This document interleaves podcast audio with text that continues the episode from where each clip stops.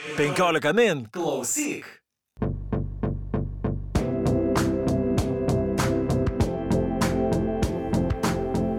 Sveiki gyvi 15 min skaitytojai, klausytojai ir žiūrovai. Ir sveikinasi su jumis e, podcastas e, Tinklaladė perskaitimai ir kaip visuomet prie mikrofono esame mes, aš Audris Ožalas. Ir aš Juratė Čerškutė. Ir e, šiandien mums atėjo toksai, man, mums atėjo tokia mintis, kad galbūt jau reikėtų apžvelgti, kas buvo išleista Lietuvoje iš lietuvių grožinės, negrožinės ir verstinės grožinės ir negrožinės literatūros per metus. Tiesa, metai dar nesibaigė, tačiau turime tam progą, nes 15 min jau paskelbė 15 min metų knygos rinkimus. Šie rinkimai vyksta ketvirtąjį kartą. Ir ekspertų komisija e, sudarė 15 būtent šiuose keturiose kategorijose, kurias ką tik tai išvardinau. Ir iš šitų 15 jau galima kažkokias tai tendencijas išvelgti ir mes šiandien šitos laidos metu tai ir padarysime.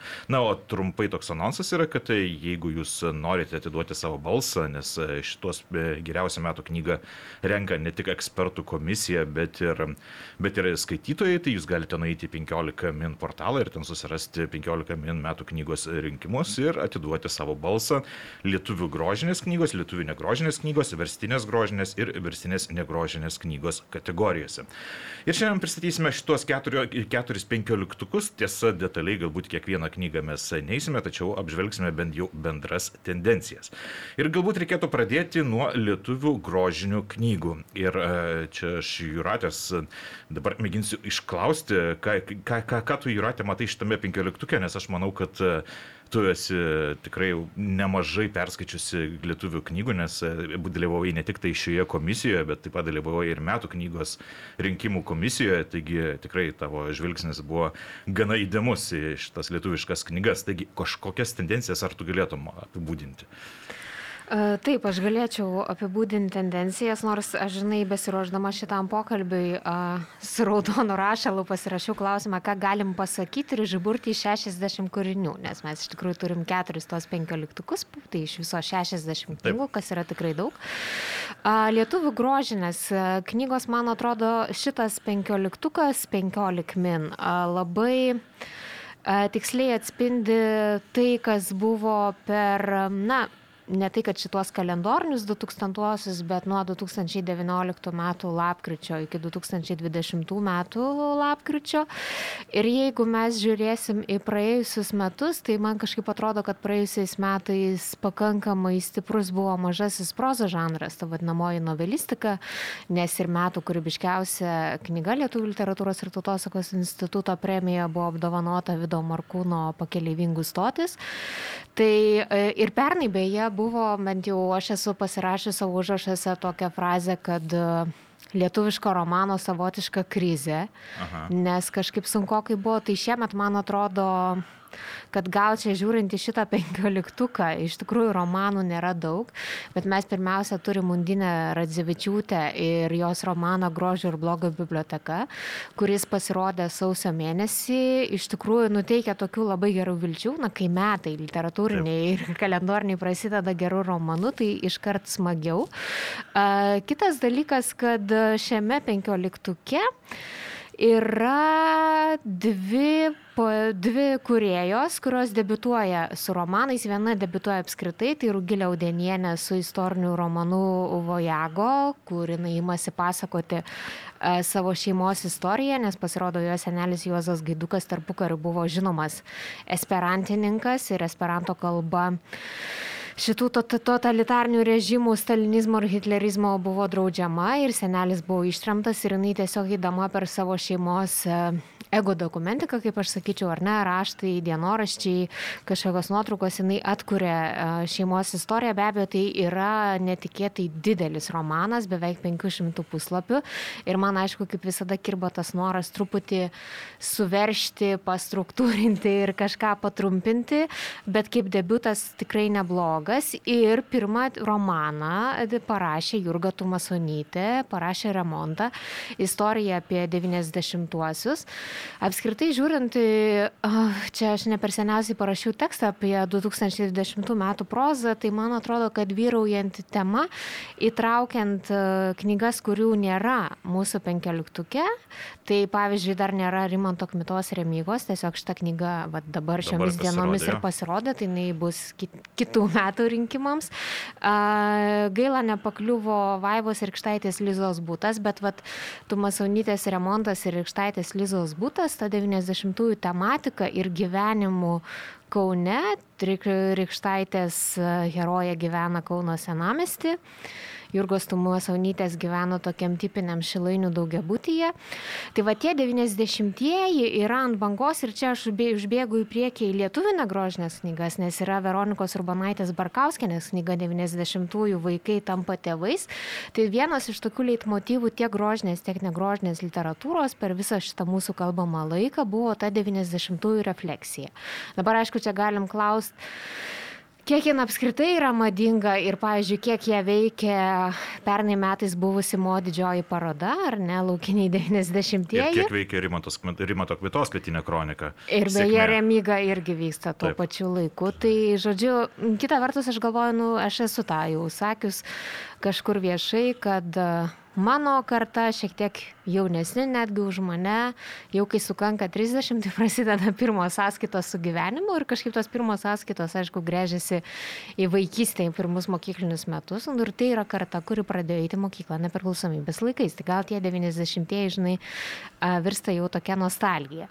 Tai štai romano prasme yra Nežinau, šiaip aš labai. Situacija gana skurdi šiaip iš tikrųjų. Skurdi, bet mes Bet aš džiaugiuosi Undinės Radzevičiūtės romanų Grožio ir blogo biblioteka. Žinau, kad tu man nepritari, kai aš sakau tą sakinį, kad tai mano manimu yra iki šiol geriausias Radzevičiūtės Taip, romanas. Aš vis tiek aš esu linkęs link žuvis ir drakonai, mano nuomonė tai yra stipriausias kūrinys, bet tačiau be abejo, kiekvienas turime čia savo požiūrį. Bet, bet kokiu atveju aš sutinku Undinės Radzevičiūtės knyga, tai šitame penkioliktuke, man atrodo, jinai labai ryškiai šviečia šiaip pagal savo kokybę, kaip jau ten bežiūrėtume. Tai va, ir po to, jeigu mes pereitume prie novelistikos, tai yra E, netikėtai dvi stiprios e, knygos. Tai yra Akvilės Kavaliauskaitės kūnai ir Linos Simutytės debutinė knyga Miesto šventė.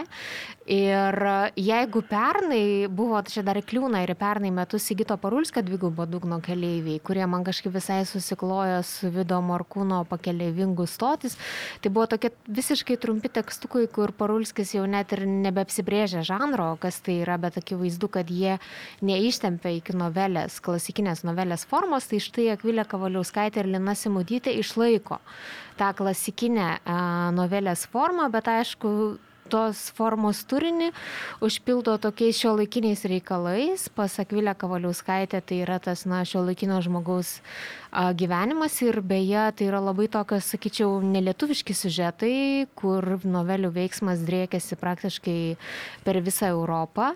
O Lina Simutytė mane nustebino savo tokia kažkokia melancholiška juoduma, jos visi veikėjai kaunasi su savo demonais, jinai labai atvirai išneka apie tai, apie ką vis dar lietuvių literatūroje kažkaip kalbama arba metaforom, arba nutylima, tai yra apie nerimo sutrikimus, depresiją, depresija, jos vienas beje herojus serga šizofrenija. Tai, bet kas yra labai svarbu Simutytės atveju ir tikrai reikia tą pabrėžti, nes pastaruoju metu literatūra neretai nukrys, nuklypsta, nukrypsta, nuklypsta į tą pusę, kada grožinis tekstas yra pasirenkamas tik kaip kažkokia forma, kuria būtų galima šnekėti apie problematiką, ar ne, ir ta problema, arba ta tema, jinai visiškai užgožia literatūrą, tai pasimutyti taip nėra, vis tik literatūra lieka, mano manimu, pirmam plane ir, na, jin tikrai gerai suvaldo tą novelės formą. Na ir be abejo, mes turime tikrai čia nemažai poezijos ir tai visiškai nestebina, nes labai dažnai kalbant apie lietuvių literatūrą sakoma, kad būtent mūsų poezija, na, dažnai kalbama, kad eseistika ir poezija yra vienas stipriausių ryčių. Su eseistika, man atrodo, jau ne pirmus metus galima pastebėti irgi tam tikrą krizę. O poezijos mes čia matome pakankamai įvairios ir kas mane iš tikrųjų Džiugina, kad mes matome įvairias skriptis, nes tarkime, mes turime tą patį Antano Jonino, naująjį rinkinį, naujieji sonetai, kur Joninas lyg ir grįžta prie, na, ne tik lyg ir, bet iš tikrųjų grįžta prie klasikinės formos, prie griežtos struktūros. Ir kaip jisai pats pasakoja, kad e, netgi tai jo buvo atsakas tiems naujiesiems e, poetams, kurie visiškai nesilaiko formos, o jis norėjo būtent kažkokių griežtesnių rėmų. O šalia to mes turime Tomas Petrulio sterili, arba turime Nojaus Saulyčio SMS gelytę knygas, kuriuose yra pakankamai daug, na, tokio ne tik žaidimo, bet ir provokacijų ir, ir, ir pakankamai daug purvo yra. Ir, netgi, netgi galima būtų, pavyzdžiui, pas Petrulius rasti ir kažkokių pornografinių, galima būtų pasakyti, elementų. Žodžiu, poezija ir atsiskleidžia visais spektrais ir jeigu, bet be abejo mes neturime užmiršti ir, na, tokių grandų kaip Aidas Marčienas, nieko nebus, na, bet Aidas Marčienas dažniausiai jau su kiekvienu savo naujų rinkiniu iš karto automatiškai gauna penkioliktukose ar penketukose vietą, dažniausiai bent jau tai būna. Taigi aš manyčiau, kad ir beje dar norėjau atkreipti dėmesį į Tomo Butkaus ežero žemę ir aš nežinau kaip tau, bet man ši knyga šiame penkioliktuke kažkiek siejasi galbūt net su to paties Sigito Parulskio dvigubo dugno keliaiviai, nes irgi bandoma apjungti skirtingas išaiškos priemonės. Ar, ar, ar tau nebuvo kažkokių paralelių? Kažkaip iki, vat, kol dabar nepasakėjai, net nebuvo apie tai pagalvojus, bet aš pagalvojau kitą dalyką, kad šitas penkioliktukas lietuvių grožinių knygų yra ko gero paskutinis kartas, kad ir kaip tai čia liūdnai skambėtų, kad vienoje vietoje yra amžinatelis Kestutis Navakas su paskutinė savo knyga 66, knyga, kuri beje buvo visiškai padaryta pagal jo rankraštį, kurį jis įteikė likus porai savaičių iki mirties. Yra Sigitas Parulskis, Antanas Joninas, Aidas Marčienas, tai yra visi nacionalinių premijų Taip. laureatai ir tie didieji poetiniai vardai, kurie iš tikrųjų a, nepriklausomybę šitais 30 mečiais labai na, stipriai veikė lietuvių poezijos laukia ir tikrai paveikė ne vieną kartą. Bet aš labai noriu dar atkreipdėmėsi į vieną, mano manimu, labai svarbią knygą. Jėvos Tolykytės. Taip, tai yra Jėvos Tolykytės, kuri jau ir gavo jaun, jaunosios Jotvingės premiją Raudonas Lidus Rūmas. Jeva aš įsiminiau prieš 11 metų, tai 2009, kada ji su novelistikos knyga laimėjo pirmosios knygos konkursą Lietuvos raštytojų. Tai labai retas atvejis, kai iš novelių perinama į poeziją. Taip, ir, ir šita poezijos knyga atrodo kaip dar vienas debutas, nes, na, tai visiškai yra subrendusi subrendusi poetė ir, ir turbūt šita knyga man yra iš tikrųjų metų poetinis netikėtumas bet ta gera, geros ir kokybiškai parašytos ir išjaustos poezijos prasme. Tai taip, man irgi atrodo, kad šiame irgi poezijos sąraše, jeigu galima būtų jį pavadinti sąrašas sąraše, e, Jėvos Tolykytės knyga iš tikrųjų labai smarkiai išsiskiria ir išsiskiria net ir ne tik išaiškos priemonėmis ir ne tik tai tą, kaip tu pasakėjai, kokybė, bet ir išsiskiria ir, na, temų platumu. Temų, taip nes jinai rašo tiek, tiek savistaba, tiek e, paliečia ekologinės problemas. E, tai vėlgi irgi, beje, mes kalbėjome su keliais poetais tame pačiame Open Books festivalyje ir mes e, klausime tų poetų ir poečių, kiek jiems svarbus yra šio, šių laikų aktualius dalykai ir kad ir būtent Jėva Tolikyti yra viena iš tų poečių, kuri kalba apie šiandieną ir nesislepia nuo tų problemų, kurios kamuoja mus dabar, būtent tų globalių problemų. Ir tai atliepia savo eilėraščiuose. Na ir dar viena knyga, į kurią aš norėčiau irgi atkreipti dėmesį, nes e, ši knyga mes e, irgi komisiją mes svarstėme, į kurią kategoriją šią knygą skirti, nes, na, nelabai aišku, nei grožinė, nei negrožinė, tarsi kertanti ribas, tai yra Godos Palikaitės šizmatikai. E, nes na, tokia lyg ir susikerta fikcija ir nefikcija ir pakankamai įdomiai žaidžia tais personažais, kuriuos aprašo šioje knygoje ir man atrodo, kad irgi toks pakankamai įdomus debutas. Ar kaip tu manai, Juratė? Man tai kažkaip šitą knygą žavi tuo, savo, kaip sakoma, jos įvadę įsipareigojimus spekuliuoti Ir kažkaip, man atrodo, šitoj fake news melagienų mūsų gyvenamoje epochoje, šita knyga tai papurto pamatus, nes iš esmės tu skaitai istorijas ir atrodo, kad tai yra tikra biografija, bet autorė suspekuliuoja, kokio atrodo visiškai nedidelių faktų. Ir nežinau, man tai šitą knygą buvo labai smagu skaityti ir lygia greta aiškintis, kur yra tiesa, o kur jau prasideda kažkokia išmonė, truputį melo, truputį kūrybos. Tai taip, šita knyga beje yra labai toksai geras perėjimas iš grožinės į negrožinę, nes jinai taip teisingai ir mesgi diskutavom, kur, kur jinai turėtų būti, bet aš manau, kad ji vis tik labiau lieka vaizduotės kur, kūrybos pusėje. Na ir dar perinant prie negrožinės lietuvių literatūros, aš irgi norėčiau tau pantrinti, kai tu sakai, kad uh, Lizos Butas nepateko į penkeliutuką, man irgi atrodo, kad šita knyga Lizos Butas buvo na, pakankamai stipri.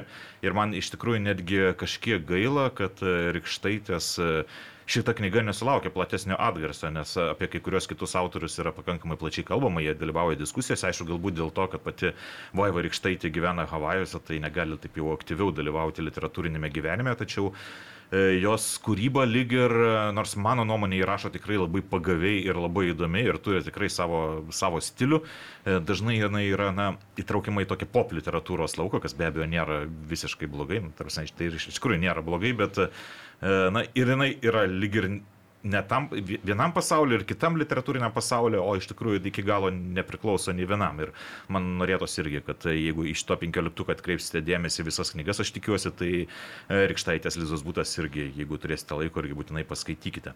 Na, o dabar periname prie negrožinės lietuvių negrožinės, negrožinės literatūros.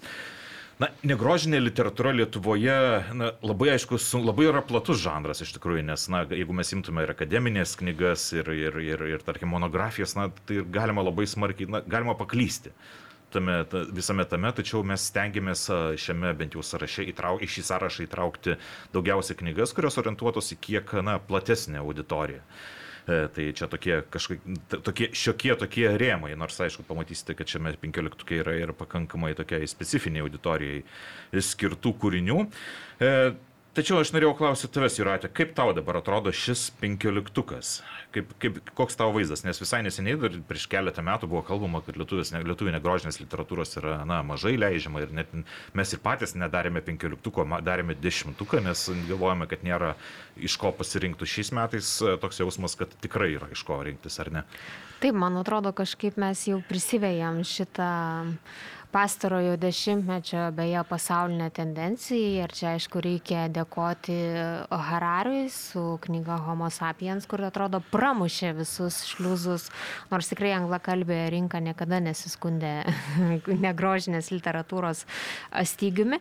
Tai žiūrint į šitą penkioliktuką, man pirmiausia, kas krenta į akis, kad mes turim vėl tos pačius 90-uosius, jau minėta Veronika Urbonaitė Barkauskienė ir knyga 90-ųjų vaikai tampa tampa tėvais. Beje, daug kas turbūt gazdinosi, kad čia šita knyga iš pavadinimo yra skirta na, tėvams, bet iš tikrųjų Veronika yra sociologė ir tai, kokį jinai 90-ųjų arba to 10-ojo dešimtmečio praėjusio amžiaus vaizdinį duoda, kokį jinai pjūvį daro ir kaip reflektuoja, tai e, iš tikrųjų man darė įspūdį ir man gal dar norėjosi dar daugiau tų 90-ųjų refleksijos. Beje, čia tokią mažą, e, mažą nuokrypį iš šono padarysiu, kad aš visą laiką laukiu, kol kas nors, kalbėdami apie 90-uosius, paminės, kaip mūsų karta neatsitraukiamai žiūrėjo serialą be namų negerai. Tai ačiū Veronika, kad tu paminėjai savo knygoje šitą punktą. Ir tada prie 90-ųjų aš tikrai dėčiau Ir Baltušio vietoje dienoraščio tą paskutinį, paskutinį didžiulį tomą, kuris užsibaigė 90-aisiais, tai, nu, aišku, visa knyga netilptų, bet čia toks yra ėjimas prie tų 90-ųjų, tada Marcelijaus Martinaičio iki sąjūdžio, iki ir, sąjūdžio ir po jo, kažkiek 90-ųjų yra visiškai pačioje pabaigoje Mekų, Jono Radolfo Mekų knygoje gyvenimo laiškai. Ir aišku, 90-ieji yra Marijos Dramaitės ir Mačiuiko sudarytoje knygoje Lietuvos architektai pasakoja apie sovietmetį, tai yra pokalbiai iš 92 metų. Tai va taip, kad žiūrint į šitą negrožinės literatūros sąrašą yra akivaizdu, kad kažkaip Um, šiemet buvo kovo 11-osios 30 metis, kuris dėl pandemijos kažkaip taip ir liko deramai nepaminėtas, bet tam tikrą prasme šitie kažkokie minėjimai yra, na, kaip matom, regimi knygose. Ir beje, irgi labai iš tolo, bet apie 90-uosius kalbama ir Emilijos dienoraštis, nes e, tai yra vėlgi dienoraštis, kuris apima labai ilgą laikotarpį, nuo 42 iki 2015, bet jame irgi labai didelis dėmesys skiriama būtent tiems 90-iesiems Lietuvos išlaisvėjimui ir kaip jaučiasi e, pati šio dienoraščio autorė rašydama, kaip jaučiasi toje nepriklausomoje Lietuvoje. Na, bet be abejo, ten yra tai yra tik dalis to dienoraščio. Šiaip, šiaip knyga irgi, man atrodo, labai verta paminėjimo, nes e, tie, kurie neskaitė, e, galiu pasakyti, kad tai yra dienoraštis e, merginos moters, kuri kuri rašė savo ir kuri galvoja, kad tas dienoraštis niekada nebus publikuotas, o tame dienoraštyje sutelpa visas jos gyvenimas. Tai tiesiog paprasto žmogaus gyvenimas, tačiau jisai būtent kartais ir yra įdomus, kad tai yra žmogus, kuris galbūt ir nieko neišskirtinis, tačiau pasakoja apie pokarį, pasakoja apie sovietinę gyvenimą, pasakoja apie tą pačią nepriklausomybę su visais tais džiaugsmais, neviltimis, niurumais ir, ir tai yra tiesiog, na, tiesiog būdas pažiūrėti į Lietuvą per e, to žmogaus e, gyvenimą ir e, kalbant apie šitą knygą, iš karto aš norėčiau iš karto persimesti į dar vieną knygą, kuri irgi tam tikrą prasme yra susijusi su, su šiuo kūriniu, tai yra, taip dabar ieškau sąraše, yra, tai yra Gabijos Lunevičiūtės Vilnius apimties punktyrai.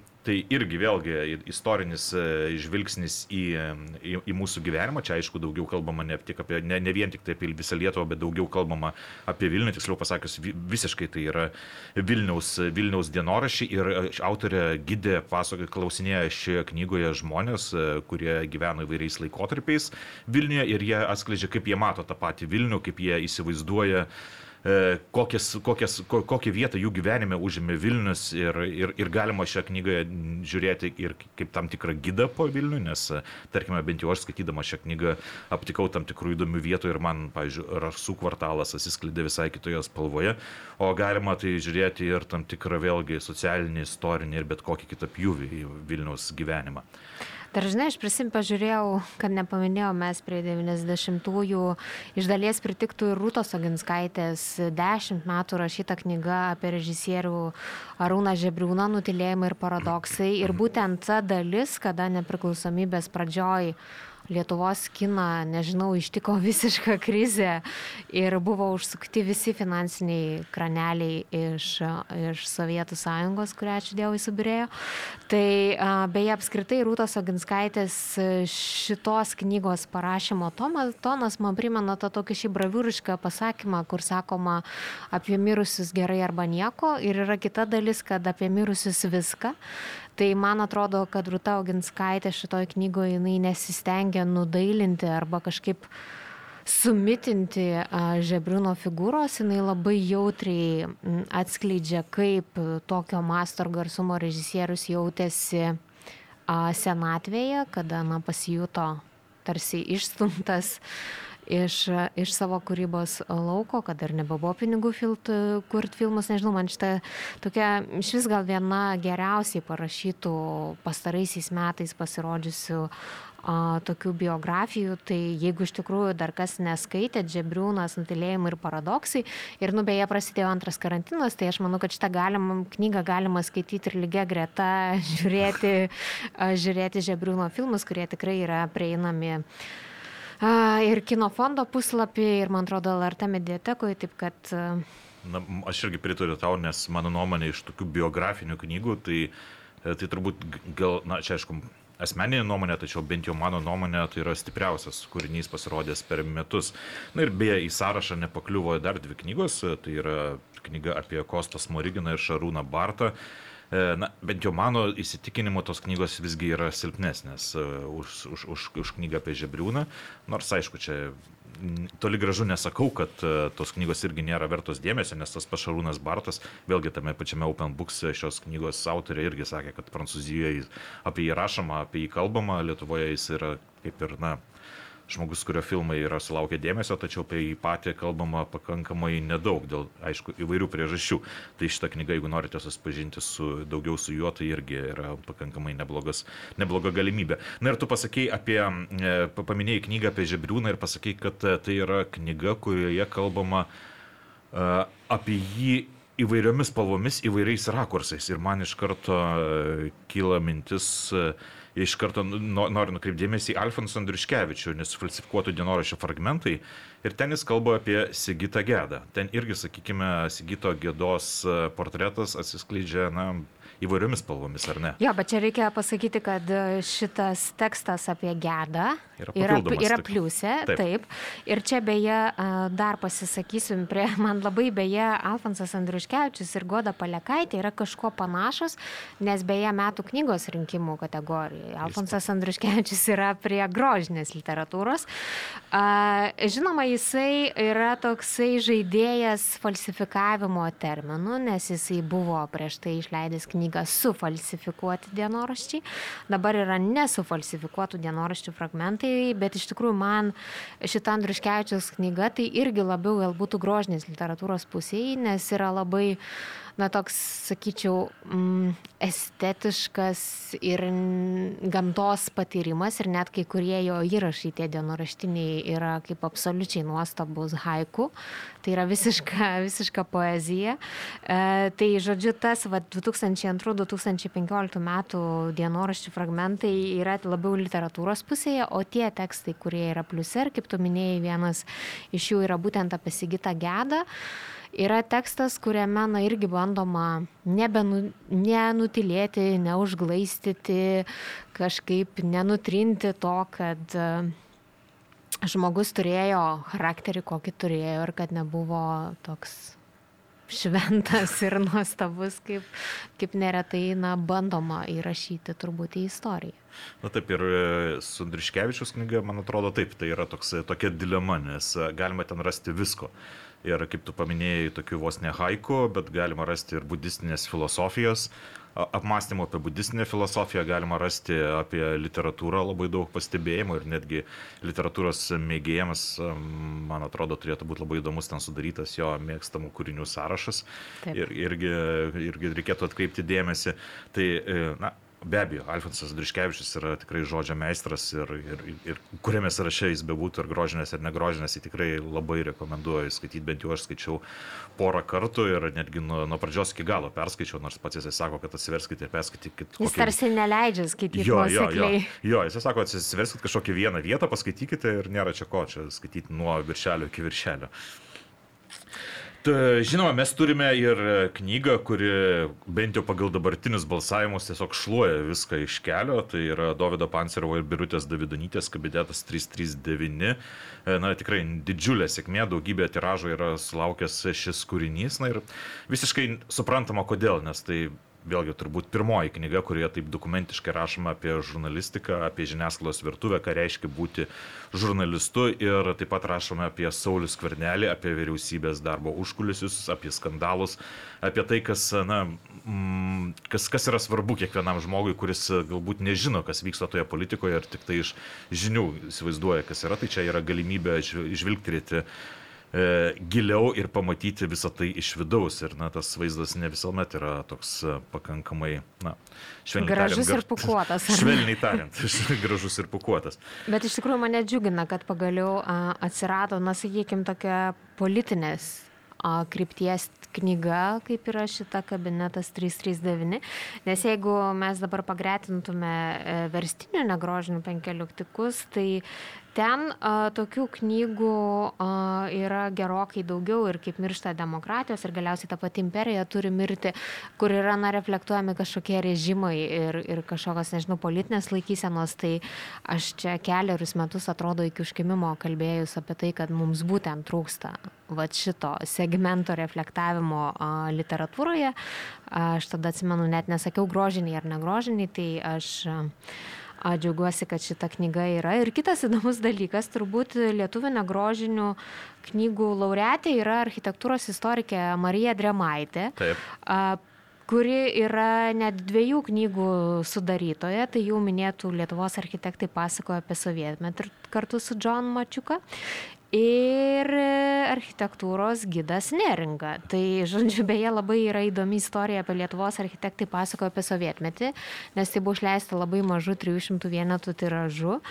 Ir pasirodo, kad tas tiražas yra pasibaigęs, žmonės dabar tos knygos ieško ir aš net juokais Marijai Dramaitį Facebook'e rašiau, kad, na va, išmokėte žmonės domėtis architektūra ir beje, čia yra tikrai rimtas tiek leidyklos lapas, kuri tarsi turi tą mažą specializaciją architektūrinėse leidinose, tiek aišku pastarųjų metų Marijos Dramaitės toksai didžiulis įdirbis šviečiant žmonės ir pasakant apie architektūrą. Ir čia aš norėjau pasakyti, kad e, nors kartais kalbama, kad e, mažos leidyklos e, ne, negali padaryti didelės įtakos knygų leidybai, tačiau matome, kad iš tikrųjų leidyklo lapas, kuri nuosekliai jau daug metų leidžia knygas apie architektūrą, na, savo pasiekė. Ir iš tikrųjų mes turime, jeigu nebūtų leidyklos lapas, man, ne, aš labai abejoju, ar kažkas, na, galbūt kažkas ir leistųsi, bet taip nusikliai platinti dar informaciją apie tas knygas ir, ir kalbėti apie tai, na, sunkiai kas ryštusi. Tai čia yra didžiulis leidyklos lapas nuopelnas.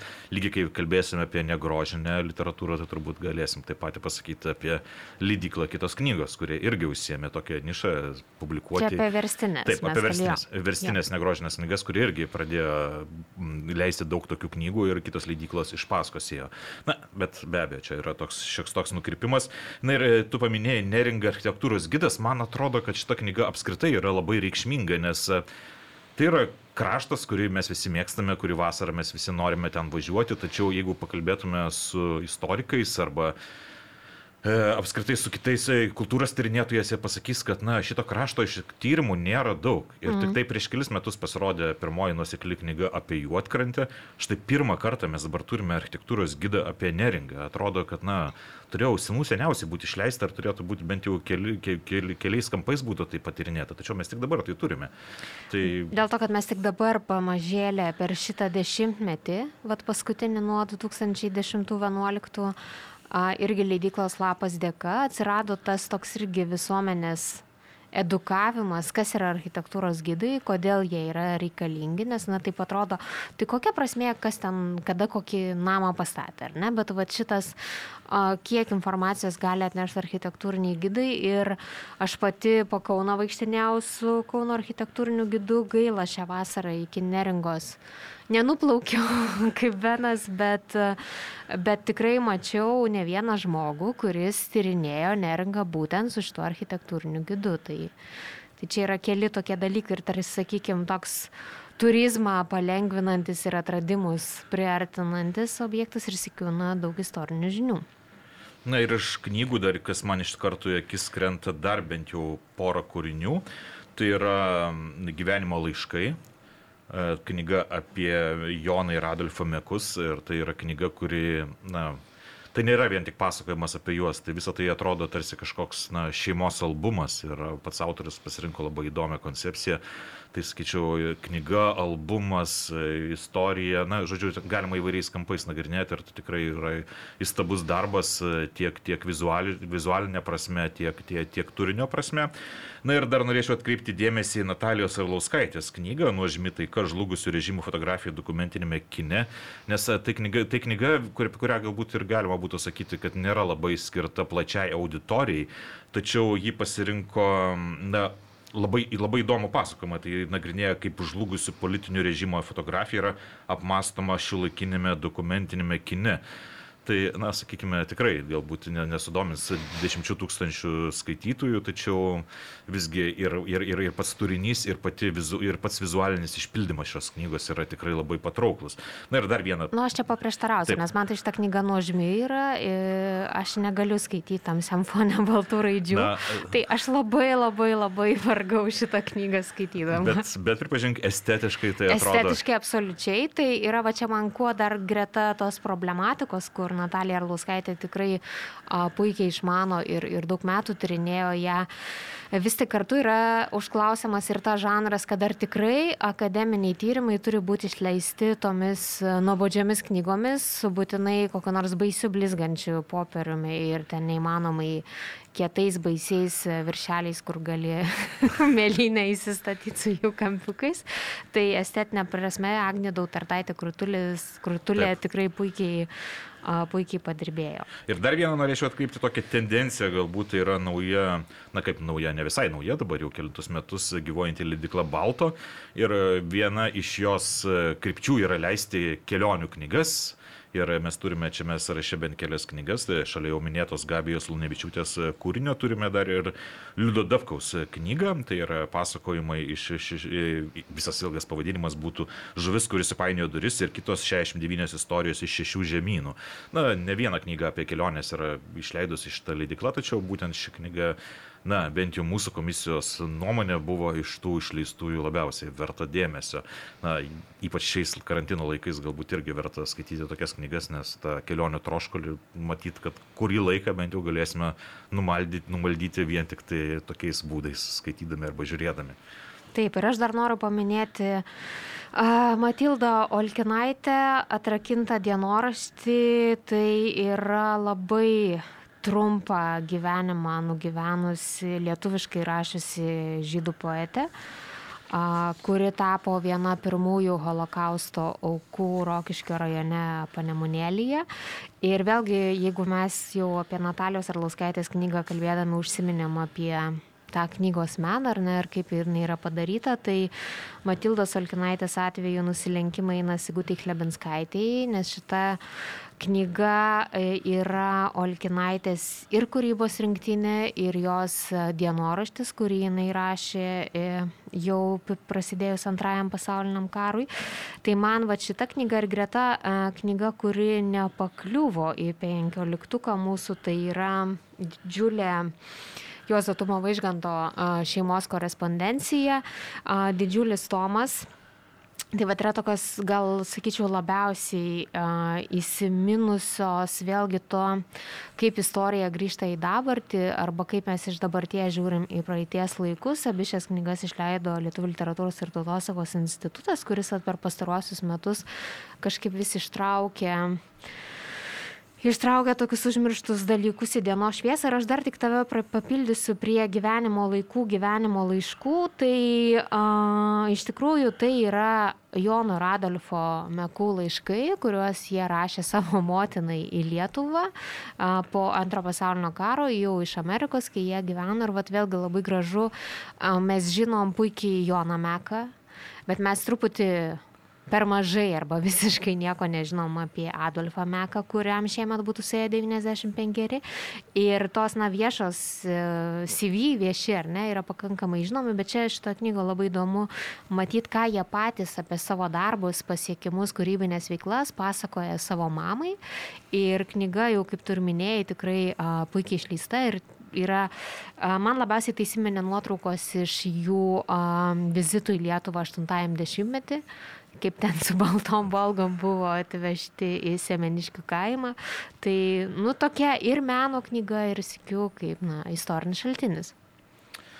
Na, ne visas knygas mes jau taip detaliau apkalbėjome, tačiau vėlgi 15 knygų ir man atrodo, kad e, pagrindinis dalykas, kurį galima konstatuoti, kad džiugu, kad e, na, yra iš ko rinktis ir tą 15 na, net ne visos knygos, kurios, kurios norėjome įtraukti, visgi tai yra demokratiniai rinkimai, komisija buvo pakankamai didelė, tai nuomonės įsiskirstė. Iš tikrųjų, tai mums reikia pasakyti, kad mes balsuojam, kad Taip. jeigu visiems atrodo, kad mes čia metam kažkokius burtus ar savo simpatijas, tai mėly klausytojai, yra paprastas balsavimas, yra tiesiog susumuojami balsai ir išeina 15. Tai viskai tai yra, tiesiog galima turėti tam tikras simpatijas ir, ir kažkokiam vienam labai kūriniui, tačiau vėlgi tai yra visa komisija ir ne vienas žmogus, kur kaip įsivaizduojame, kartais samokslo teorijos, vienas žmogus turi kažkokį bičiulio draugą ar draugę. Ir, ir visiems liepia užimti. Ir, ir, ir liepia balsuoti ir, ir prastums. Ne, na, taip nepavyksta.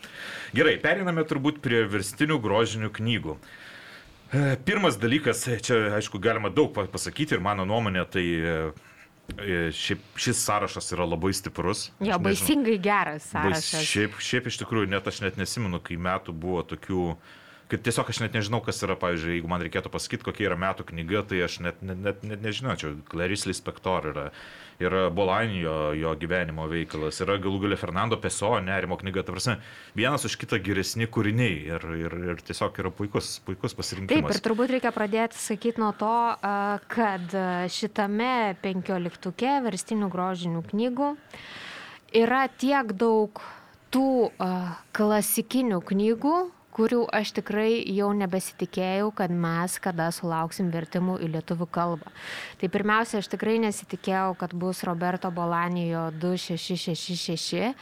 Alma Naujokaitėne nu, išvertė iš E, ispanų kalbos ir išvertė leidikla kitos knygos. Tai yra fantastiškai didžiulis darbas. Aš tikrai netikėjau, kad Fernando Pesoa nerimo knyga, kurią iš portugalų kalbos vertė Audris Musteikis, irgi bus išleista. Aš visiškai nesitikėjau, kad Dono Start Dagilis, romanas, kurį iš anglų kalbos vertė Andrius Patomkinas, irgi bus iš... Tai yra, nes tai yra tokios didžiulės apimties knygos, jos visos yra virš 500 puslapių, o man atrodo, Bolanijo ir Tart iš vis arti 900. Tai Taip. yra, nu, milžiniškas darbas ir staiga, va, šitos knygos puošia mūsų praėjusius metus. Na ir beje, kalbant apie Roberto Bolanijo, tai man atrodo, kad tai yra vienas iš tų pavyzdžių, kad, na, vėlgi, kaip kai kurie skaitytojai įsivaizduoja, kad viską lemia, na, ką perka, tai ir leidžia leidyklos, na, vėlgi toksai pakankamai naivus įsivaizdavimas. Tai iš tikrųjų buvo pačios vertėjos uh, užsispyrimo ir milžiniško darbo, nes jinai šitą knygą vertė daug metų jau, dar prieš tai, kai sužinojo, kad bus išleista, nes irgi leidikla išleido, išleisti šią knygą reikia finansų, ir jinai net nežinodama, ar šita knyga bus išleista, vertė ją ir jinai buvo tikrai ambasadorė šitos knygos, aš tai mes pagaliau turime šią knygą ir daugelio vertinama kaip svarbiausias kelių, kelių dešimtmečių ispanų, Latino Amerikos literatūros kūrinių.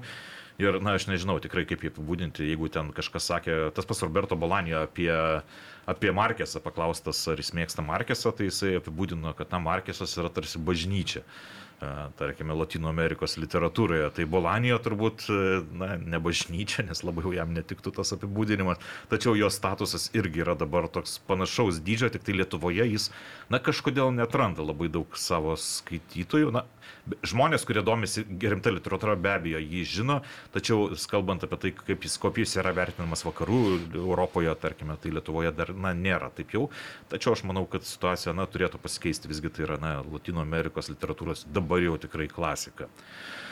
Na ir e, dar tu irgi kalbėjai apie tai, kad nesitikėjai, kas bus išleista, be abejo, apie savo nerimo knygą, tai čia aš irgi net nesvajojau, nes man tai atrodo, kad vienas iš, na, apskritai, tokių svarbiausių kūrinių irgi išleistų pas, per pastarosius kelias dešimtmečius, mm. prašytas jau seniai, tačiau atrastas visai neseniai.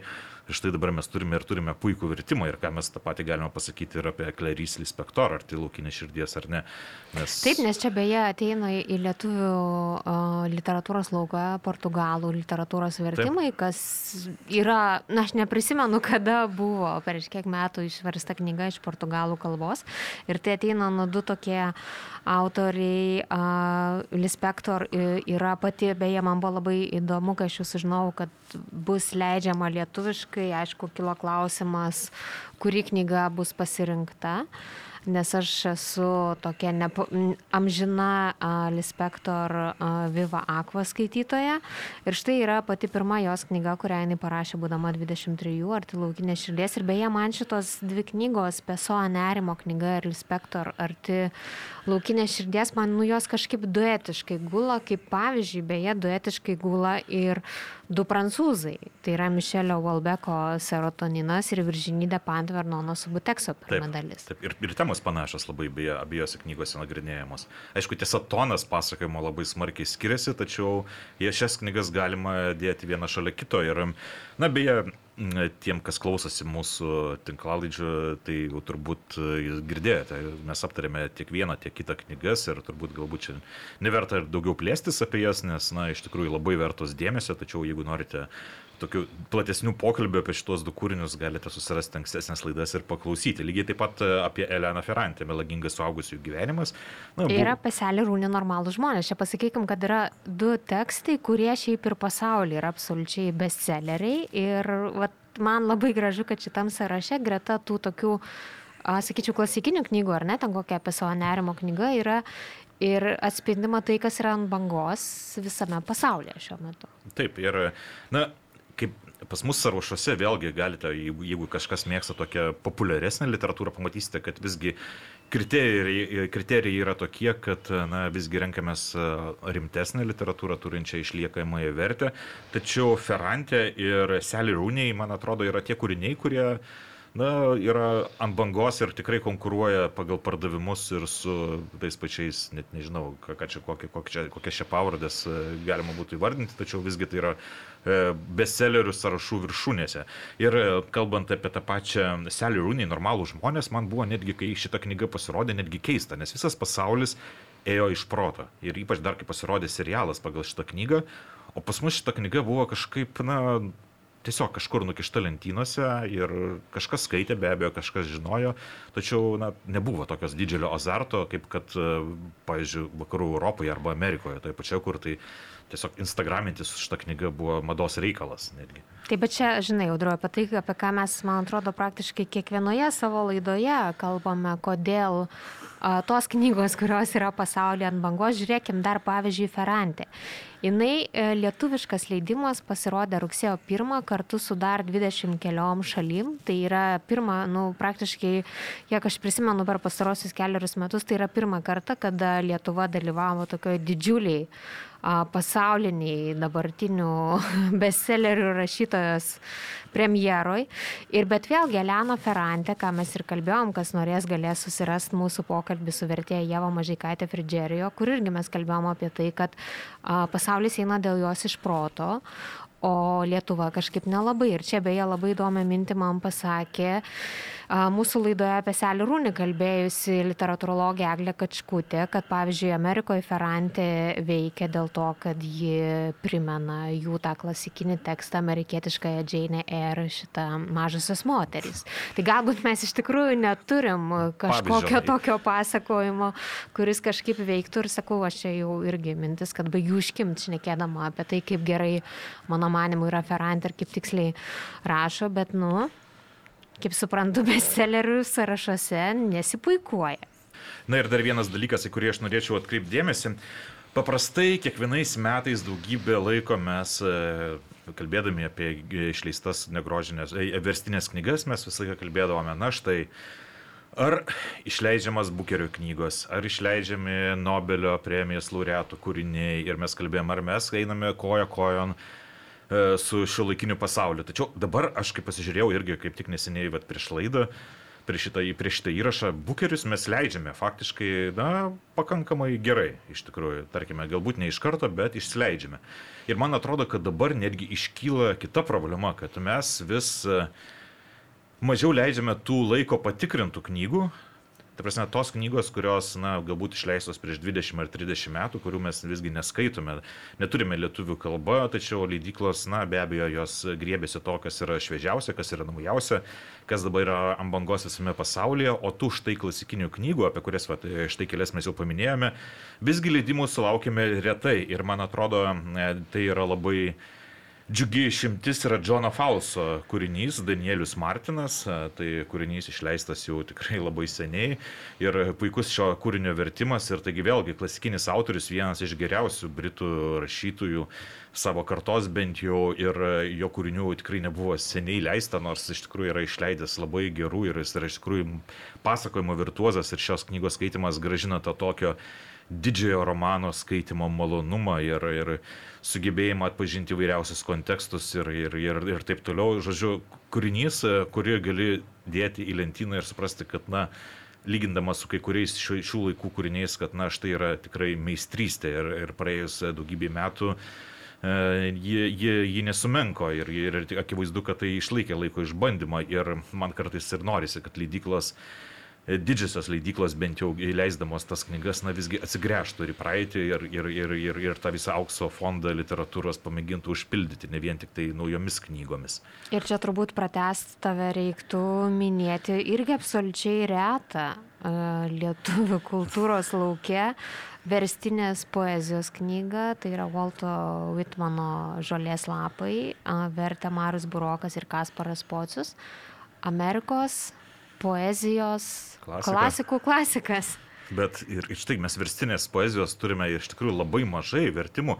Ir štai dabar, Absoliučiai mažai, ir taip. štai dabar klasika, na, kas atrodo iš viso kažkas neįtikėtino. Ir beje, aš gailiuosi bent jau vėlgi, kalbant apie tai, kad e, kas, kaip sakėme, mes jau balsavome ir aš, pavyzdžiui, labai gailiuosi, kad nepateko Amerikos poezijos rinktinė miesto atsiradimas Laurino Katkaus sudaryta irgi moderniosios Amerikos poezijos e, rinkinys sudarytas ir mano nuomonė, kad irgi tai yra kažkas neįtikėtino šių laikų leidyboje, nes, na, kad, e, tarkime, vieno poeto kūryba dar taip, bet kažkas, kad surinktų daugybę poetų ir, ir sudarytų ir išverstų, tai irgi yra toks, na, netikėtas dalykas. Taigi čia vėlgi, kai mes kalbame apie tai, kad praėję metai buvo pakankamai geri, galbūt netgi labai geri verstinėje literatūroje, tai štai šitas aspektas, kad net turime netgi poezijos vertimų, irgi yra labai džiuginantis. Ir kitas įdomus dalykas yra dvi knygos 19 amžiaus pabaiga. Abi, tai aš mintį turiu dalios saukaitytės versta lietuvių skaitytojų tikrai mylimos ir žinomos rusų rašytojos Marinos Stepnovos romanas Sodas ir Džono Maksvelo Kucės Peterburgo meistrą apie Dostojevskį. Taip. Tai beje, man šias knygos aš jas taip pagrečiui skaičiau vieną paskui kitos, tai man jos labai beje įdomiai galvoj susisloksnevo. Na ir beje, Kucija irgi, kai mes jau kalbėjome, kad e, bent jau aš vat, paminėjau, kad yra e, kai kurie vertėjai, kurie yra tikrai ambasadoriai tam tikrų knygų, tai kartais ir leidyklos yra tam tikrų autorių, Autorių. ambasadorės. Nes, pavyzdžiui, šitą knygą Kucijas išleido Sofoklis ir aš kiek žinau, na, Kucijas knygos na, tikrai nėra gerai perkamas. Turi, aišku, ištikimą savo gerbėjų ratą šitas e, autorius, tačiau, na, tikrai tai nėra bestselleriai arba labai gerai perkamas. Tačiau jo knygos nuosekliai leidžiamos viena po kitos, aš tai pasirodė kaip tik šiomis dienomis dar nauja, nau- naujas jo kūrinys. Ir, na, iš tikrųjų džiugu, kad, kad, kad leidyklos nežiūri vien tik tai skaičius, o žiūri ir į kokybę, tarkim, ir tai, kas, kokie autoriai tikrai svarbus leidyklai. Jo, reikia paminėti, kad šitą knygą vertė Nijolė Regina Hijanienė, nors man galbūt asmeniškai irgi gaila, kad nepakliuvo Rasos Drazauskienės pernai gruodį išleistas jos verstas e, irgi Kucės romanas Elizabeta Kostelo, bet čia aš vėl labai pakeliu rankas ir sakau, kad kaip literatūros trėja Tai na, yra meta romanas, tai yra romanas apie literatūrą. Tai aš jau, jau, jau patyriau, kad labai mažam ir labai siauram sluoksniui žmonių ta, ta tematika yra įdomi.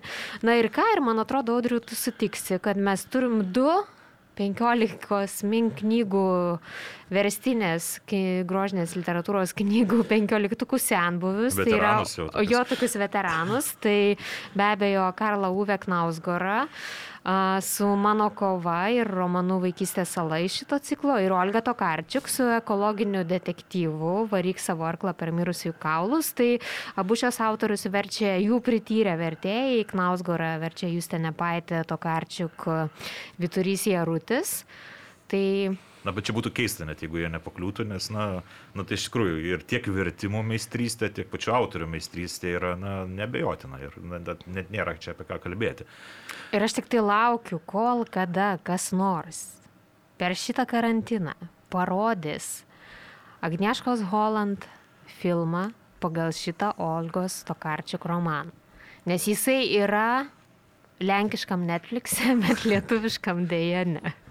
Ir e, beje, dar apkalbant apie tendencijas, e, dažnai būna irgi kalbama, kad visgi vyrauja vertimai iš anglų kalbos, tai yra dominavimas. Tačiau žiūr- žiūrint į šitą penkioliktuką, aš dabar va čia akimis permečiau, ar tik tai ne šešios knygos yra tik tai verstos iš anglų kalbos.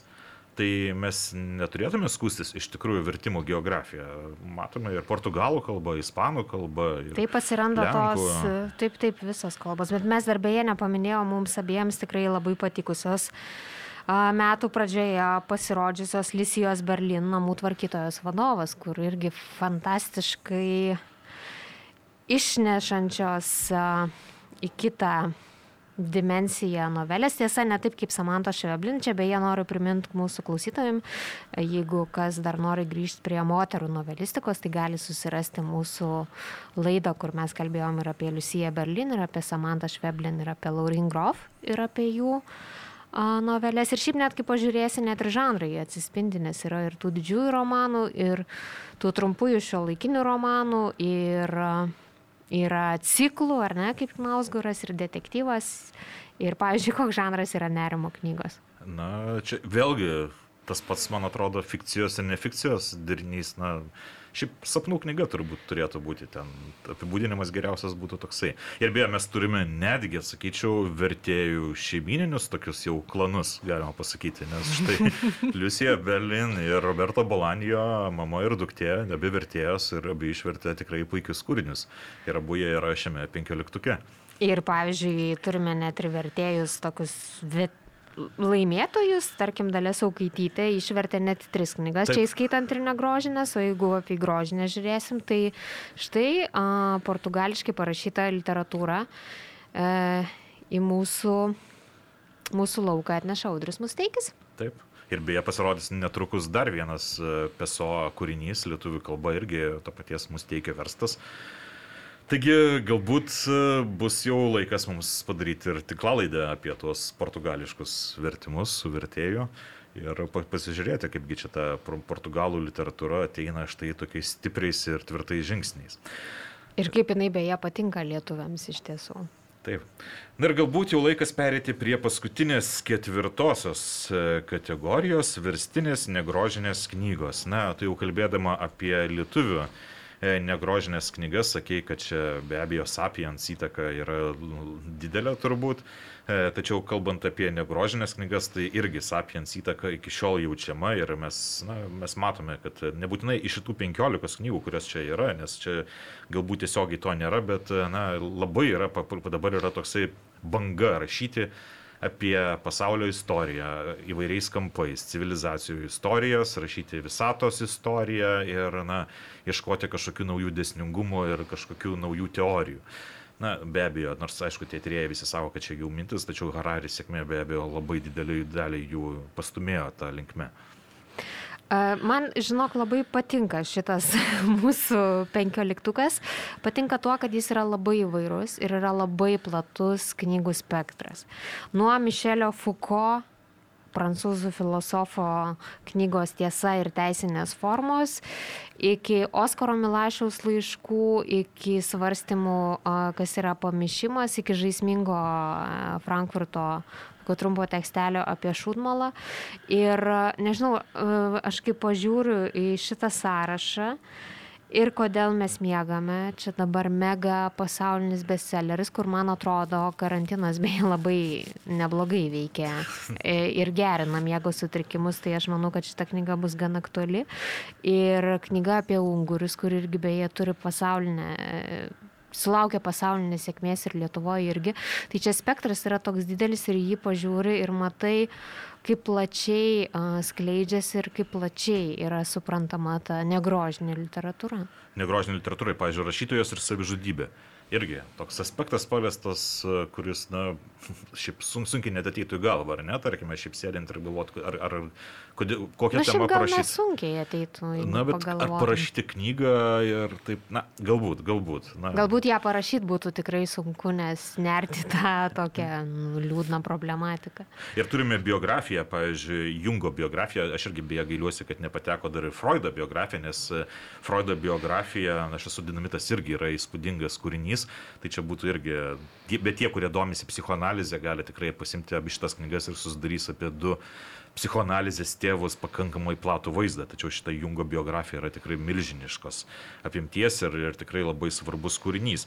Na, tu paminėjai apie ungurius ir žmonės, tai irgi man atrodo tokia knyga, kuri vėlgi žanrus kertanti, ar ne? Nes tai yra knyga, knyga ir iš, dalies ir tokia mokslo populiarinimo apie tai, kas yra unguriai, bet kartu yra apmąstymai apie save patį, apie savo santykius su tėvu ir kartu tai yra pusiau filosofinis netgi kūrinys, nes autorius tarsi nagrinėdamas ungurius bando atsakyti ir savo pačiam į klausimą, kur mes keliaujame ir, ir kokia mūsų gyvenimo prasme. Ir, mm. ir, ir, ir e, tai nagrinėja būtent galvodamas apie ungurius, galvodamas apie tai, kaip su tėvu jie žvejodavo tuos ungurius. Ir kai aš kitiems pažįstamams siūlau šitą knygą paskaityti, na, dažniausiai visi sako, na, nu, apie ungurius jau tikrai neskaitysiu, tačiau, nes, nu, kas, kam čia gali būti, na, įdomu, žinai. Tai, bet e, po to paskaito ir sako, nu, ja, iš tikrųjų įspūdinga knyga ir kaip pasirodo, kaip galima gerai parašyti bet kokią temą, iš tikrųjų, jeigu tik tai turi rašymo sugebėjimo ir rašymo meistrystę. Na ir man atrodo dar vienas kūrinys, apie kurį kuris kažkaip, kurį galima nagrinėti įvairiais aspektais ir kuris e, pas mus praėjo lyg ir jo išleidimas taip e, kontroversiškai ir netgi nelabai pastebėtai, šito kūrinio nelabai galima rasti knygynuose ir aš kalbu be abejo apie Rūtos Vanagaitės ir Kristofo Dikmano knygą, kaip tai įvyko. Sunku vertinti, beje, iš karto, beje, iš karto pasakysiu, nes mes galvojame, kaip, kur, į kurią kategoriją traukti. Ar tai yra mm. lietuvių negrožinė, ar tai yra verstinė negrožinė. Ir aš pats parašiau Rūtai Vanagaitį ir paklausiau, tai koks tai yra kūrinys, į kurią kategoriją labiausiai patektų. Tai visgi jinai pas, pas, pasakė, kad tai yra verst, verstinis kūrinys. Tai Nors dėje dėje nėra nurodyta jo vertėjo. vieno vertėjo ar vertėjų vardų ir pavardžių. Ir jinai netgi ir, ir po to dar pridūrė, kad tai yra net ne jos kūrinys, o tai yra iš tikrųjų Kristofo Dikmano kūrinys, nes jinai tik tai klausinėtoja, iš tikrųjų tai yra jo kūrinys. E, na, Labai sunku kalbėti iš tikrųjų apie šitą kūrinį, nes iš tikrųjų bent jau mano įsitikinimu tai yra svarbus kūrinys. Be abejo, jam galima priekaištauti ir, ir, ir beje istoriją geriau susipažinę žmonės na, turi įvairių pastabų šitam kūriniu ir, ir daugybę galima aspektų, bet tačiau kalbėti šitą temą, man atrodo, reikėtų. Ir kad šita, kuri, šita knyga visgi nepatenka į knygynus, apie ją nekalbama, yra galbūt, na, aš kiek suprantu, kad tai yra vis tiek, ir tavo nagaitė visi žinomi, kokią skandalą buvo įsivėlusi ir iki šiol, na, net leista jai yra už tai. Ir Čia vien... turbūt jo toksai garsiausias pastarojo dešimtmečio, jie iš viso, ne viso nepriklausomybės laikotarpio skandalas, kada buvo išimtos knygos. Taip, ir, ir aš galvoju, kad, na, kiek laiko dar ta bausmė galios ir ar žmonės na, vien dėl to neskaitys jos knygų. Na čia, aišku, atsakymas. Žinai, minė, minė, kaip sakoma, yra negailestinga, bet Taip. mūsų pareiga yra parodyti piršteliu, kad štai yra tokia knyga. Štai knyga ir be abejo, kad gali žmonės skaityti ir patys susidaryti įspūdį. E, na ir kaip mes jau minėjome, vėlgi nebūtinai tu turi nebūtinai e, paties autoriaus asmenybė, netgi jeigu žmonėms ta pati Rūta Vanagaitė labai nepatinka, nebūtinai e, pats kūrinys, kuriame Dikmanas dėsto savo žinias ir savo teorijas apie tai, kas vyko Lietuvoje, turėtų būti ignoruojamas. Na, bet kuriuo atveju tai yra kūrinys, kuris pateko penkioliktuką ir aš manau, kad jisai turėjo čia nais būti. Na, o žiūrint e, kitas tendencijas, na be abejo, mes matome Svetlaną Aleksievič, paskutiniai liudytojai, tai turbūt e, autorė, kurios knygos yra e, vienos iš paveikiausių, bent jau kurias aš skaitau ir kartu pačios sunkiausios mm. skaityti, mm. nes, na, kiekvieną kartą, kiekvienas puslapis yra tarsi kažkokia akmens užsimetimas ant širdies, nes jinai rašo taip negailestingai tokias emocijas pertiekia, kad, na, perskaičius knygą tokia tamsuma visiškai apima ir paskutiniai liudytojai irgi yra vienas iš tokių kūrinių.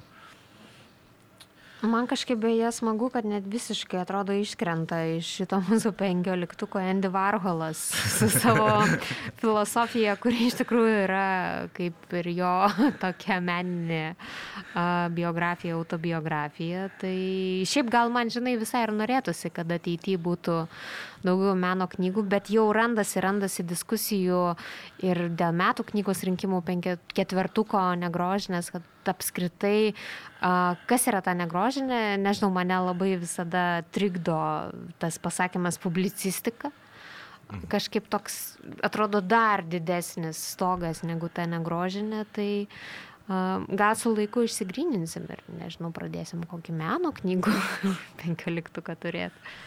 E, na ir be abejo, jeigu mes kalbame apie, apie tai, kaip galima pagauliai, kaip galima labai gyvai rašyti apie istorinius įvykius, tai vienas iš tokių pavyzdžių, man atrodo, turėtų būti knyga Imperija turi mirti Mikhailo Zigaro, nes uh, autorius tikrai čia buvo platus uh, užmojis ir autorius apima tą būtent prieš revoliucinės Rusijos vaizdą, nagrinėdamas pagrindinius žmonės, aprašydamas pagrindinius žmonės, kurie veikė tuo metu pagrindinės vyravusias idėjas, tačiau skaitai šitą knygą tarsi kažkokį romaną. Kaip gerą romaną ir beje, jo. man irgi labai įdomiai sugulė į kontekstą skaitant Stepnovo sodą. Ten labai ne, tarsi nedaug bendrų dalykų, bet kažkaip, na, žinai, kaip būna kažkas bendro ore tvyro. Tai taip iš tikrųjų imperija turi mirti, išsiskiria to tokiu pagavumu kur tikrai skaitai kaip negrožinė, Taip. tai yra Skait- kaip grožinė. Skaitai apie tekstą. Tolstojų ir, ir, ir galvoji, na, tai čia galėtų būti puikus romano siužetas, ar ne, tarkime. Tai, tai autorius tikrai labai sugebėjo ir man atrodo, kad e, labai dažnai netgi lietuvių ir istorikai yra kritikuojami, bent jau anksčiau būdavo, tačiau dabar mes matome. Dabar irgi. Turime gerų pavyzdžių be abejo, bet kad, na, jie nemoka rašyti. Jie moka rašyti tik sausai, tačiau jie nemoka rašyti pagaviai taip, kad suprastų platesnė auditorija. Aišku, tai, na, galbūt daug kas ir nekelia savo to tokio tikslo, nes jie galbūt nori parašyti rimtai. Istorikai rašo istorikams arba akademiniai bendruomeniai ir tiek. Nes matai, jeigu parašysi pagavėjai, tu negausi mokslinių taškų. Na, taip, ir, na, ir, ir be abejo mes irgi žinome visi, kad, tarkime, iš knygų rašymo labai mažai kas išgyvena, o tarkime, užsienyje tie patys istorikai, mes jau apie Hararį jau net nekalbame, rašydami. Timothy Snyder. Taip, rašydami populiarias istorinės knygas visai gerai, netgi skaičiau labai gerai iš to gali gyventi. Tai galbūt irgi yra tam tikra paskata sugebėti istoriją pažvelgti tam tikrų kampų. Ir beje, čia dabar vat, užsiminiau apie Snyder ir pagalvojau, kad man atrodo, jisai irgi, a, kuri yra tokia mega istorijos pasaulinė žvaigždė. Aš esu buvus Varšuvoje susitikime su juo, jis yra absoliučiai puikus oratorius, beje, mes tą pernai galėjome matyti Vilnius lapose, kai jie kartu su Venslova nuostabiai džiazavo scenoje. Ir Timotis Snyderis turi tą gerąją savybę ir akademiškai, bet ir pagaviai rašyti. Tik tai vėlgi man atrodo, kad lietuviškai išverstos jo knygos nėra tokios populiarios ir na, jos irgi tam tikram specifiniam skaitytojų ratui, kurie domisi istorija yra, yra skirtas. Beje, žiūrint į šitą dar penkioliktuką, tokių visiškai specifinių knygų, tai būtų a, Lenkų režisieriaus Kristijano Liupos knyga Utopija laiškai mhm. autoriams iš apostrofos ir teatro ir kino informacijos ir edukacijos centro bendro leidžiamo tokio teatro bibliotekos, teatro bibliotekos serijos, tai irgi tokia, sakyčiau, na, visiškai specifinė knyga, bet galbūt ją skaitys ir didesnis ratas skaitytojų, todėl kad Liupo pastarosius keliarius metus tikrai pakankamai nuosekliai dirba Lietuvos teatre. Ir štai rudenį buvo Sebaldo Austerlico premjera jaunimo teatre, tai manau, kad galbūt įkvėpti žmonės norės ir, ir paskaityti, kaip Liupo teoriškai geba kalbėti. Na ir šiaip dar vienas dalykas, kurį norėčiau atkreipdėmėsi, vėl leidyklų reikšmė. Mes kalbėjom apie lapo leidyklos reikšmę populiarinant e, knygas apie architektūrą. E, Tai mes turime Jonas ir Jokūbas ir Hubris, dvi leidyklos, speciali, kurių specializacija yra filosofinė Taip. literatūra. Ir e, irgi turime šiame penkioliktuke keletą jų išleistų, kelias jų išleistas knygas. Ir na, labai smagu, kad iš tikrųjų šitą siaurą nišą ir siauras rytis, e, tikrai negeneruojanti didelių pajamų, visgi turi net dvi leidiklas. E, Taip, ir čia turbūt mes nepaminėjom prie lietuvių grožinės, nes Levas Karsavinas apie tobulybę, kur irgi išleido Viktoro Bachmetievo leidikla Hubris. Knyga buvo parašyta lietuviškai, tai ta beje Hubrio serija tų tokių trumpų mažų knygelių, kuri prasidėjo nuo Timothy Snyderio apie tironiją, tai irgi toks vat, yra bandymas irgi priartinti filosofiją, paprastai ir aiškiai žmonėms skaityti. Nes aišku, kas yra pamišimas, nėra tokia lengva knyga kaip apie šūdmalą, bet apie šūdmalą yra beje labai šių dienų šioms dienoms Labai. aktuali knyga. Taip, jau tikrai galima skaityti ir atpažinti labai daug ką, kas vyksta bent jau viešoje erdvėje, tai tikrai. E, Na ir ką, apibendrinant, galima pasakyti, kad ir šis penkioliktukas, kaip ir pati sakė nuo pradžių, bent jau man jis irgi tikrai labai patinka. Aišku, norėtųsi galbūt dar daugiau jame matyti, kaip jau minėjau, tas pats Freudas ar dar kažkas galėjo ten pakliūti, tačiau, na, bet kokiu atveju, iš tos penkiolika knygų ir tikrai, jeigu jas perskaitytumėte, tikrai pakankamai platų žinių spektrą gautumėte. Ir dar mes nepaminėjom irgi beje tarp literatūros ir grožinės ir negrožinės esančių Oskaro Milašiaus laiškų Taip. leidimų, kur irgi va, ta epistolerika išlaikoma, kaip jos daug yra ir lietuviškame negrožinių knygų penkioliktu- penkioliktuke, tai taip yra ir verstinių. Na ir kągi, man atrodo, pakankamai nemažai pakalbėjome apie šituos keturis penkioliktukus. Na, be abejo, tai yra kol kas čia savo darbą atliko ekspertai. Mes mūsų ekspertų grupė skaitėme knygas, atrinkinėjome, kurios mūsų nuomonė yra vertos dėmesio, galbūt skaitytojai turėtų savo įsivaizdavimą, kas galbūt turėtų ten būti, na, tai bet kokia atveju visą laiką tai bus, e, kas, kas įsivaizduoja, kad kas ten turėtų būti. Ir dabar jau savo balsus gali atiduoti skaitytojai, kaip jau minėjau, iki gruodžio pradžios, iki gruodžio 6 dienos skaitytojai gali balsuoti 15 min portale, susiradę 15 min knygų rinkimai. Ir jūs atiduosite savo balsus ir paskui iš jų mes sudarysime penketukus ir iš tų penketukų paskui jau komisija irgi rinks savo, kas, kas jų nuomonė iš tų penketukų yra svarbiausios knygos ir bus tiesiog e, skaitytojų ir komisijos balsai sudėti ir tai bus išrinktos keturios svarbiausios, keturios geriausios šių metų, praėjusių metų knygos, nuo praeitų metų lapkričio pirmos iki šių metų lapkričio pirmos išleistos ir turėsime naujus nugalėtojus, jau ketvirtą kartą vyksta šitie rinkimai. Ir gal aš pagalvojau, reiktų dar klausytojams priminti, kad ekspertai 15 min knygų rinkimo esam ne tik aš Juratė Čerškutė ir tu Audris Ožalas, bet kartu sudarinėjo 15-tukus e, Jurga Vaičiūtė, Jurga Mandrijauskaitė, Lina Buividavičiūtė, Monika Bertašiūtė ir Marius Burokas, kuris beje nusišalino nuo grožinių verstinių knygų, nes yra jo, jo kūrinių tenais. Jo verstų, verstų kūrinių. Tai aš manau, kad ne, ne, nesulauksim priekaištų, kad čia tik mes dviese išrinkome šitą 60 knygų. Na taip ir kągi, e, turbūt e, viskas, ką galima dabar plinkėti, tiesiog eikite skaityti šitas knygas. E, karantinas laiko tikrai yra ir, ir tikrai šitos knygos, mano nuomonė, vertos dėmesio. Ir nepamirškit balsuoti. Ir nepamirškit jeigu balsuoti. jau norėsit. Na ir kągi, ir tiek šį kartą laidoje perskaitimą ir kaip visuomet buvome su jumis aš Audris Ožalas. Ir aš Juratė Čerškutė. Iki ir gerų skaitinių.